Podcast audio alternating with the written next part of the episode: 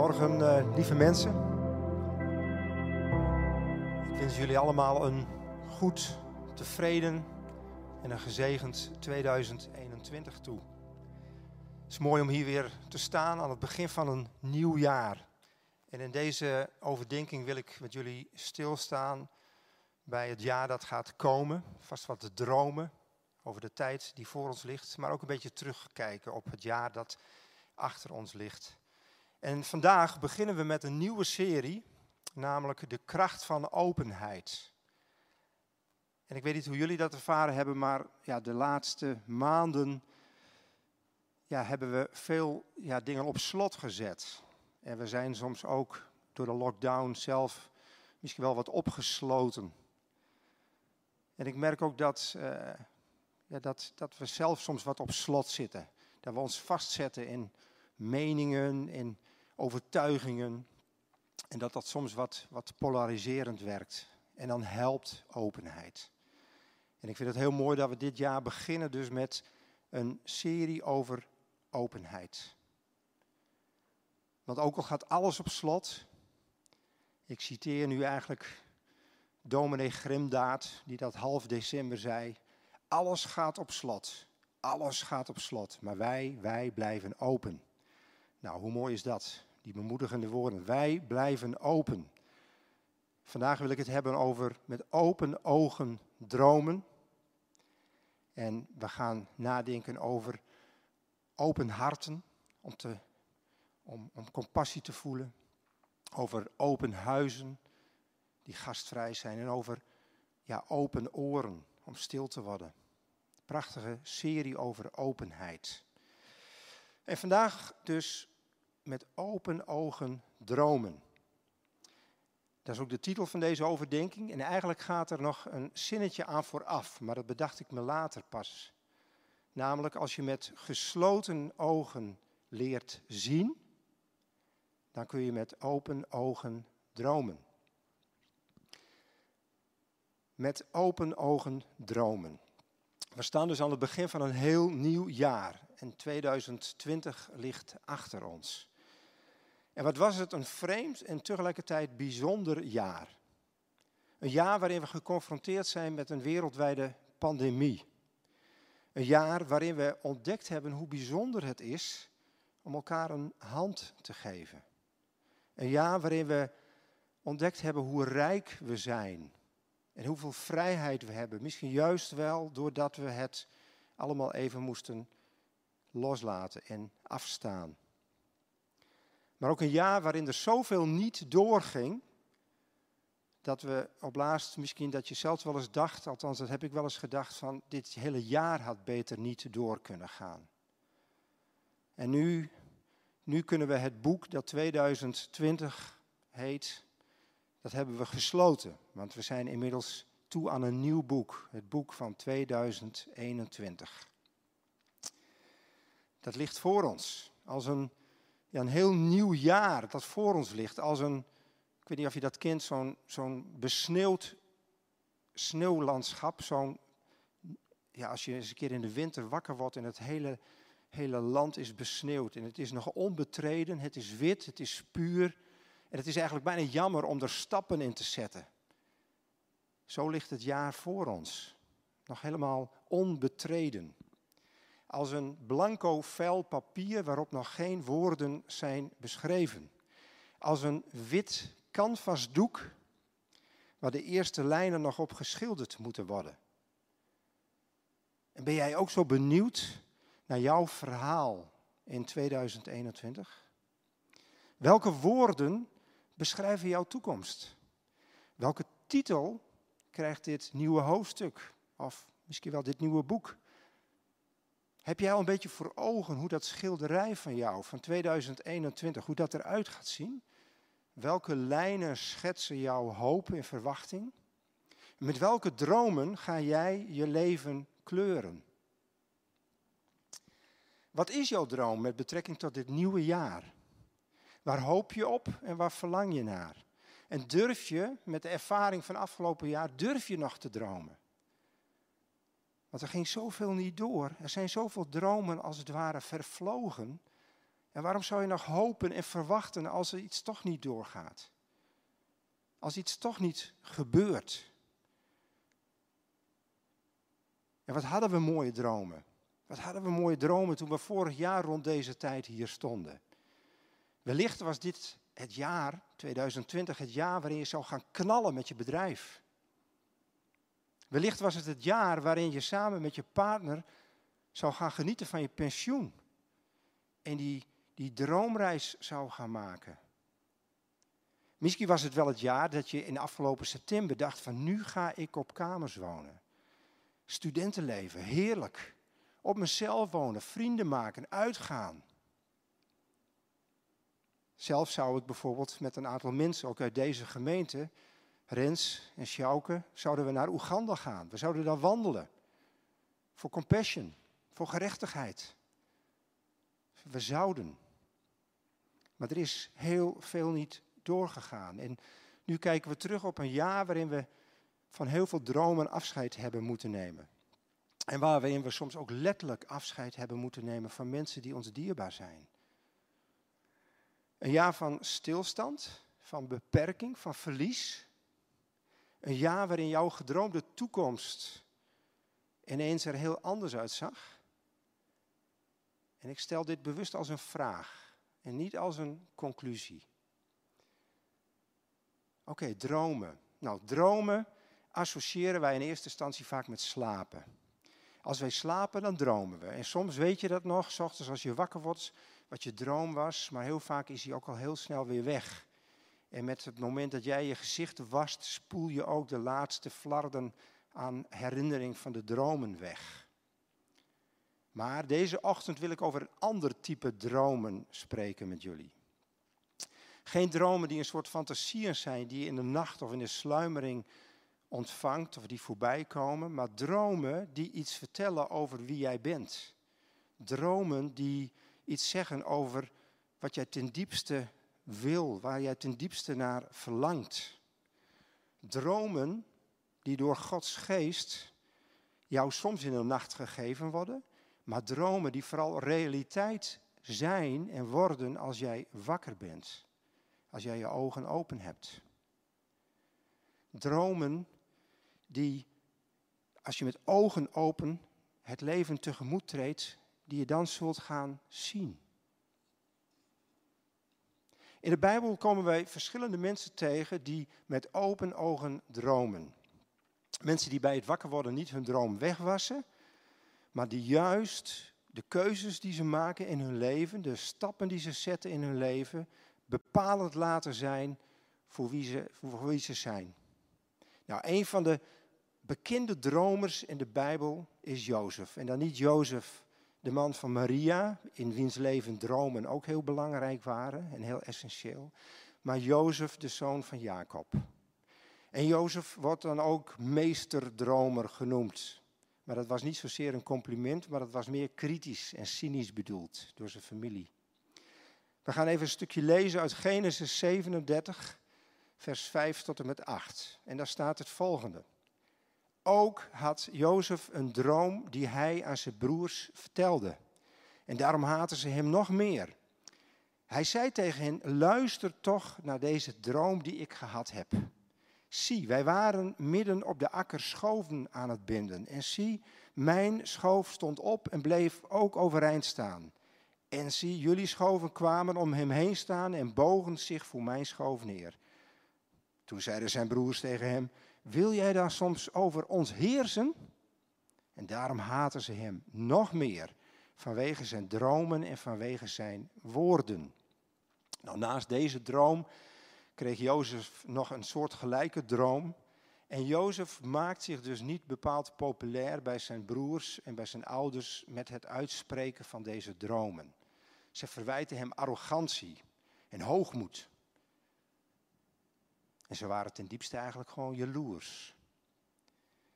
Op het moment dat jij dromen hebt voor de toekomst, kan het gebeuren dat mensen daar sceptisch en kritisch op reageren. Zo van, ach, droom jij maar lekker verder. Dat gaat je toch niet lukken. Wees realistisch, man. Denk jij nou echt dat, dat jij verandering kunt brengen in een uitzichtloze situatie? Denk je nou echt dat dat gaat gebeuren, dat dat kan? Wees niet zo naïef, wees realistisch, wat er dan gezegd. Dat gebeurt toch niet. Allemaal reacties en vragen van zogenaamde droomrovers. Want het is niet zonder risico als je enthousiast bent over je dromen. En sommige mensen zijn hun eigen dromen al zo lang kwijt dat ze geïrriteerd raken als ze ontdekken dat andere mensen nog wel dromen, dromen. En dat mensen nog steeds durven te verlangen naar een toekomst die waardevol en inspirerend is. Een toekomst die niet per se in het verlengde ligt van het verleden en in het heden, maar een toekomst waarin God met ongekende mogelijkheden naar jou toekomt. De irritatie en de haat van de broers gaat zo ver dat ze hem op een bepaald moment willen doden. Ze gooien hem in een put en via allerlei omwegen komt hij in Egypte terecht. En op verschillende momenten lijkt het alsof die dromen van Jozef slechts fantasieën waren van een egocentrische, verwende puber. Maar ondanks alle uiterlijke omstandigheden ontdekt Jozef steeds weer opnieuw dat hij nog steeds in zijn droom leeft. De omstandigheden zijn soms gunstig, heel vaak ongunstig. Maar zijn dromen blijven. Zijn dromen blijven doorgaan. En de jaren gaan voorbij en de omstandigheden die zijn dus heel verschillend. Maar de droom blijft. En als je in Genesis leest, dat hele geschiedenis van Jozef, dan lees je ook een aantal keren dat er staat, de Heere was met Jozef. Zodat hij een voorspoedig man was. Niet doordat de omstandigheden zo voorspoedig waren, maar omdat de Heer bij hem was. En ondanks de vreemde omstandigheden was de Heer bij Jozef en bewees hem zijn goede tierenheid.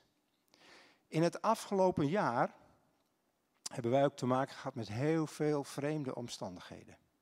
Een pandemie, eerst een gedeeltelijke lockdown en nu sinds half december een harde lockdown. En de dromen die je had voor 2020 lijken opgesloten te zitten in die akelige lockdown-put. En je vraagt je vertwijfeld af, wat komt er nu terecht van al die mooie dromen? En ik kan me voorstellen dat toen Jozef in die put zat, dat hij misschien ook wel wat twijfelde aan zijn dromen. Dat hij ook dacht van hoe gaat het komen? Hij zat dus letterlijk in een soort lockdown, want hij had echt helemaal geen bewegingsvrijheid meer. Hij zat in de put, hij werd verkocht als slaaf.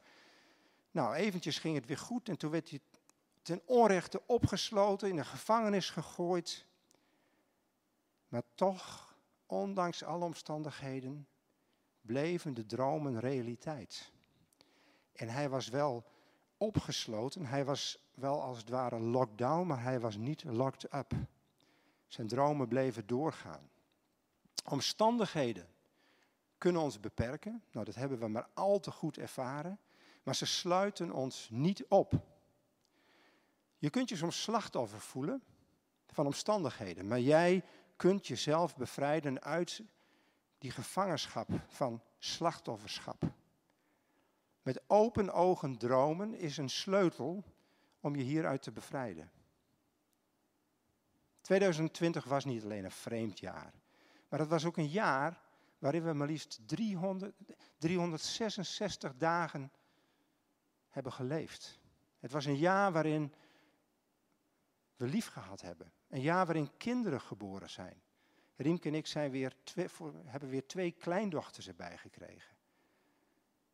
Het is een jaar waarin we lief en leed gedeeld hebben.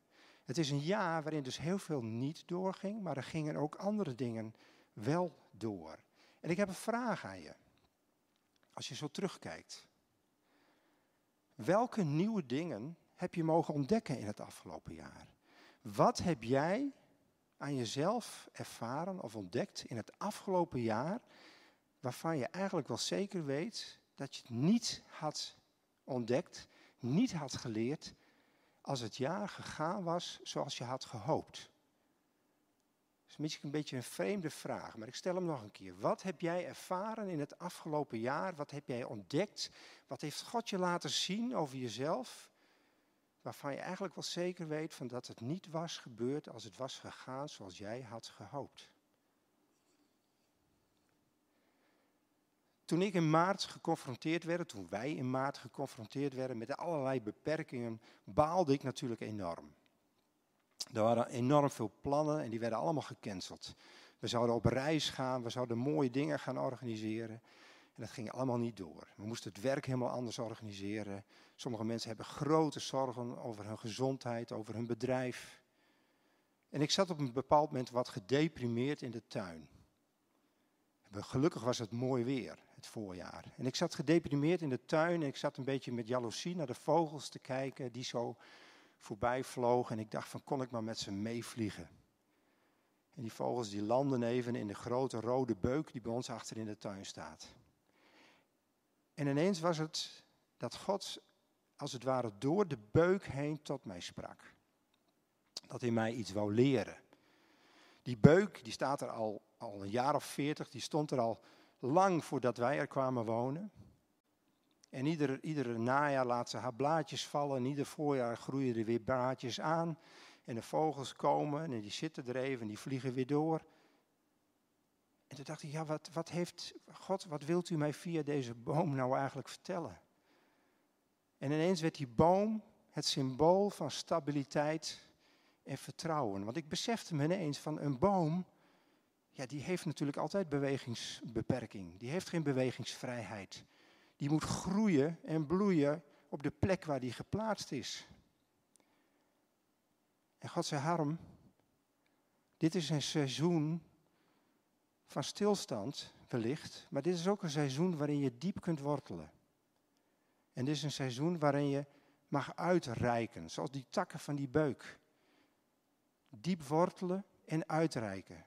Blijven op de plek waar je bent. Stil worden. Beseffen dat groei niet alleen maar met beweging te maken heeft, maar dat groei ook met die verstilling te maken heeft. En ineens werd de lockdown een soort retraite. En werd de boom voor mij een symbool van vertrouwen en van stabiliteit. Een boom gaat niet op reis op zoek naar de zon, maar wacht geduldig tot de lente weer terugkomt. En vertrouwt erop, want tot nu toe heeft ze nog nooit vergeefs laten wachten. En de seizoenen komen en de seizoenen gaan voorbij. En ook het seizoen van deze ogenschijnlijke stilstand gaat weer voorbij. Wat heb jij ontdekt in de afgelopen maanden aan jezelf? Wat heb jij gedaan waarvan je gedacht had dat je het nooit zou doen? Wie ben jij geweest ondanks de omstandigheden? Ik vertelde bijvoorbeeld dat we naar Oeganda zouden gaan. Nou, dat is helemaal niet doorgegaan. Maar wat wel doorgegaan is het alternatief. Een muscatlon at home. Riemke en ik hebben bijvoorbeeld een hele marathon gelopen vanuit ons huis. Met z'n tweeën. Zo bijzonder. Maar dat was voor Riemke ook de eerste keer dat ze 42 kilometer hard liep. Wat een bijzondere, indrukwekkende ervaring was dat. Puur omdat we niets anders konden, maakten we iets heel moois mee. Ik heb ontdekt dat niet de omstandigheden ons leven bepalen en de betekenis bepalen van ons leven, maar onze manier hoe wij erop reageren. Onze keuze. En het klinkt wellicht wat positief, misschien ook wel een beetje naïef optimistisch, en dat is het ook. Dat is het ook, maar het is tegelijkertijd ook heel realistisch. Het is binnen handbereik. En het is zo enorm krachtig. 2020 is een jaar dat we niet gauw gaan vergeten en wat we ook niet moeten willen vergeten. We hebben ontdekt dat niet de omstandigheden ons vormen en bepalen, maar hoe wij daarin staan. En nu staan we voor 2021. De kerstdagen waren stil en ingetogen.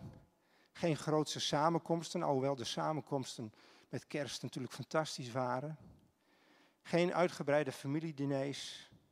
Het was redelijk rustig met oud en nieuw. Dit was de tijd om te investeren in die, in die weinige mensen die je wel mocht zien. Dit is een tijd waarin die intieme relaties versterkt mogen worden. Een tijd waarin we ontdekken dat niet het vele goed is, maar dat het goede veel is. Aan het begin van deze overdenking zei ik dat het eigenlijk niet alleen gaat over dromen met open ogen, maar ook leren zien met je ogen dicht. Om met een open blik naar de toekomst te kunnen kijken, om vol hoop en verwachting dit nieuwe jaar in te kunnen gaan, is het belangrijk dat je leert zien met je ogen dicht. Dat is natuurlijk een beetje een woordspeling, hè? want kijk, over het algemeen dromen we met onze ogen dicht en kijken we, zien we met de, open, met de ogen open. Maar ik doel hierbij op gebed. Ik doel hierbij op momenten van stilte. Wat ik wellicht toen weer opnieuw heb herontdekt, daar in de tuin, zittend bij die beuk. De ogen dicht doen. De ogen sluiten om te leren zien. Want hoe vaak gebeurt het niet dat we ons helemaal ons beeld van de wereld, onze kijk op de wereld, helemaal laten bepalen wat er allemaal op ons afkomt via de media, via de sociale media. En dat we merken van ja, weet je, het is belangrijk om af en toe de ogen dicht te doen. Om te leren zien met de ogen dicht. Er is een sprookje, de kleine prins, is ook verfilmd. En daar zegt een vos op een bepaald moment tegen de kleine prins. Hij zegt, ik heb een geheim. Hij zei, dit is mijn geheim. Het is heel eenvoudig. Alleen met het hart kun je goed zien. Het wezenlijke is voor ogen onzichtbaar. Nou, dit gaat over dat zien met de ogen dicht. En het is niet alleen een sprookje, ook Paulus spreekt hierover. Spreekt over deze waarheid. En we lezen in de Efezebrief in hoofdstuk 1, vers 17 tot en met 19. Daar zegt Paulus: Mogen de God van onze Heer Jezus Christus, de Vader van alle luister, u een geest van inzicht schenken in wat geopenbaard is, opdat u Hem zult kennen. Mogen uw hart verlicht worden, zodat u zult zien. Waarop u hopen mag, nu Hij u geroepen heeft. Hoe rijk de luister is die de heiligen zullen ontvangen. En hoe overweldigend groot de krachtige werking van Gods macht is voor ons die geloven. Het begint met inzicht dat God, dat God ons geeft als wij in gebed Hem zullen kennen. En dat wij zullen zien omdat ons hart verlicht wordt. Neem de tijd om Hem te ontmoeten. Wees stil, luister en zie. En wat gaan we dan zien? We zullen zien waarop wij hopen mogen. Hoop, hoop ook voor dit nieuwe jaar helpt ons om met open ogen te dromen. In de Hebreeënbrief staat het ook prachtig. Er staat in Hebreeën 6, er staat die hoop is als een betrouwbaar en zeker anker voor onze ziel. Jezus Christus is de vaste grond waarop wij hopen. En wij mogen ook richting de toekomst ons verankerd weten in Hem. En als het stormt om ons heen, als de omstandigheden ruw en ruig zijn, waarin wij soms zelf bijna het gevoel hebben dat we stuurloos zijn, dan is Hij de vaste grond waarin wij mogen ankeren, met hoop. Met hoop. Betekent dit dat wij niks zelf, niks hoeven doen en dat, dat onze dromen ons gewoon gaan overkomen? Nou, dat denk ik niet. Ik denk dat we daarin ook zelf een belangrijke rol te spelen hebben. In de psychologie bijvoorbeeld is uit onderzoek gebleken dat als je mensen uitdaagt om hun dromen, hun wensen, hun verlangens te verwoorden, dan is de kans groter dat ze ook gaan uitkomen. Woorden beschrijven dus niet alleen een realiteit, maar doordat je het uitspreekt, creëer je ook een realiteit.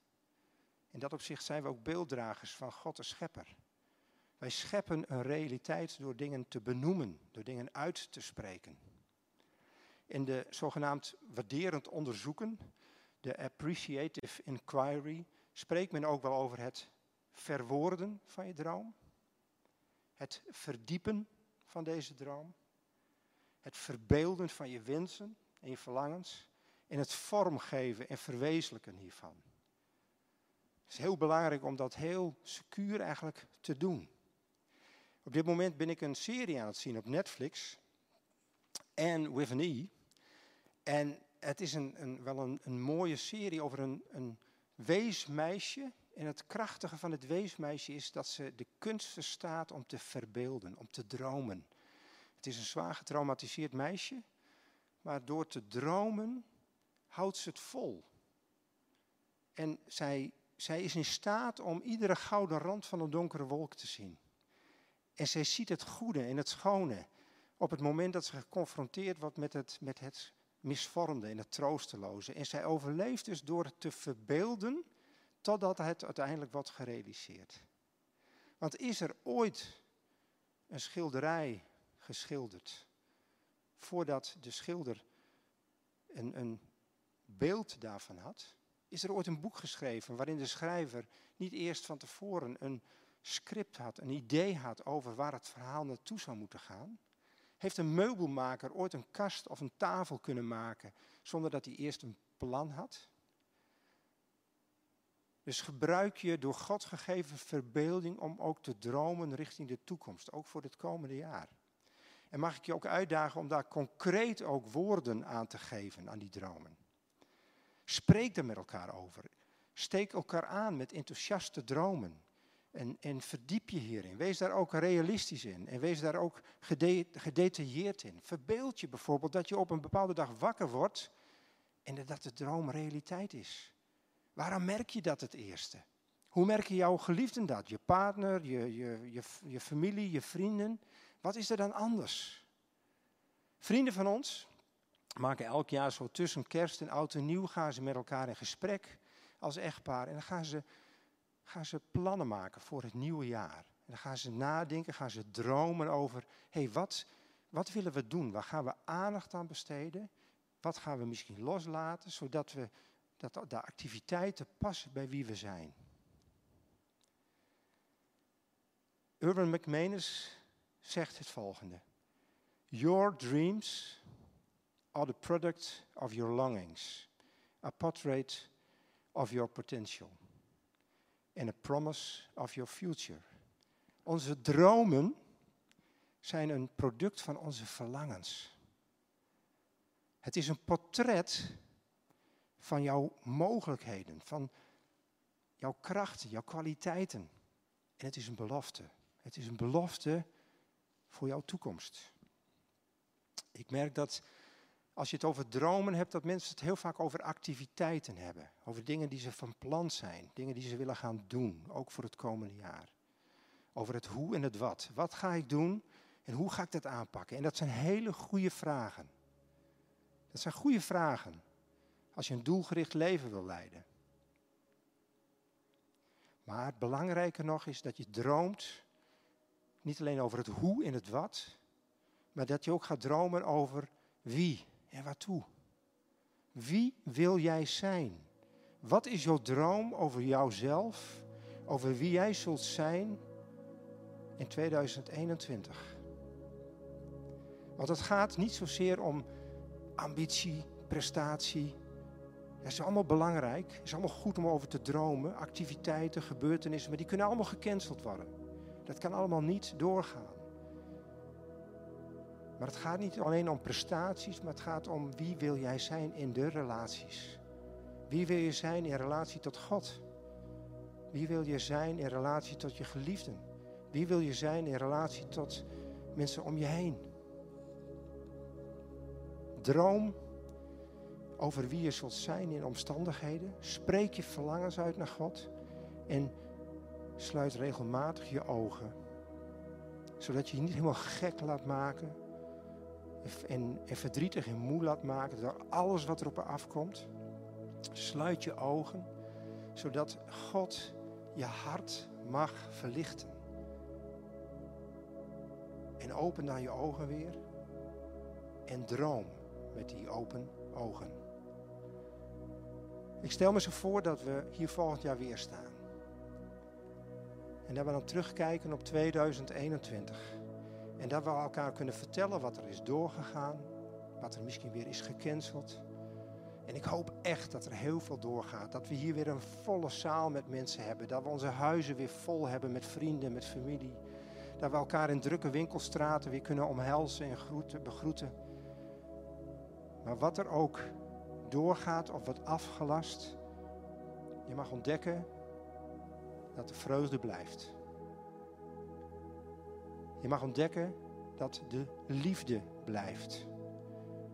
Hoop wordt niet afgelast. geloof wordt niet gecanceld. Want God is wie Hij is en Hij is liefde. Hij is trouw. En wat er ook doorgaat in het komende jaar en wat er ook wordt afgelost, jij en ik, wij blijven. Wij blijven open en we blijven vol liefde, daar bidden we voor. We blijven vol hoop en we blijven vol geloof. God is trouw en jij, jij bent zijn geliefde kind. Ik wil met jullie bidden. Vader in de hemel, ik dank u dat ik mijn ogen mag sluiten om te leren zien. Heer, en als er mensen ook thuis zijn die kijken en die zeggen, ik wil ook leren zien. Ik wil niet alleen maar zien wat er allemaal op mij afkomt, maar ik wil leren zien vanuit mijn hart. Want alleen met het hart kunnen we werkelijk zien. Heer, verlicht ons hart. Heer, verlicht het hart van die mensen die nu wellicht voor de laptop hun ogen even gesloten hebben. Verlicht hun hart, Heer. En laat ze de hoop zien. De hoop op wie U bent, Heer Jezus. Heer Jezus, U bent het anker voor onze ziel. Heer, als het stormt, dan vinden wij stevigheid, vastigheid bij U. Heer, en ik wil U bidden dat mensen dromen zullen dromen. Heer, dat de droomrovers niet het laatste woord hebben. De sceptici en de cynistische, cynische mensen. Maar Heer, dat we kunnen blijven dromen. Hopen, verwachten, verlangen. Ook voor het komende jaar. Heer, wilt u zo en ieder die kijkt zegenen met mooie dromen. Zo zegen ik jullie en bid ik voor jullie. Dat de Heer jullie dromen mag, ja, mag zien en mag horen. In Jezus' machtige naam. Amen.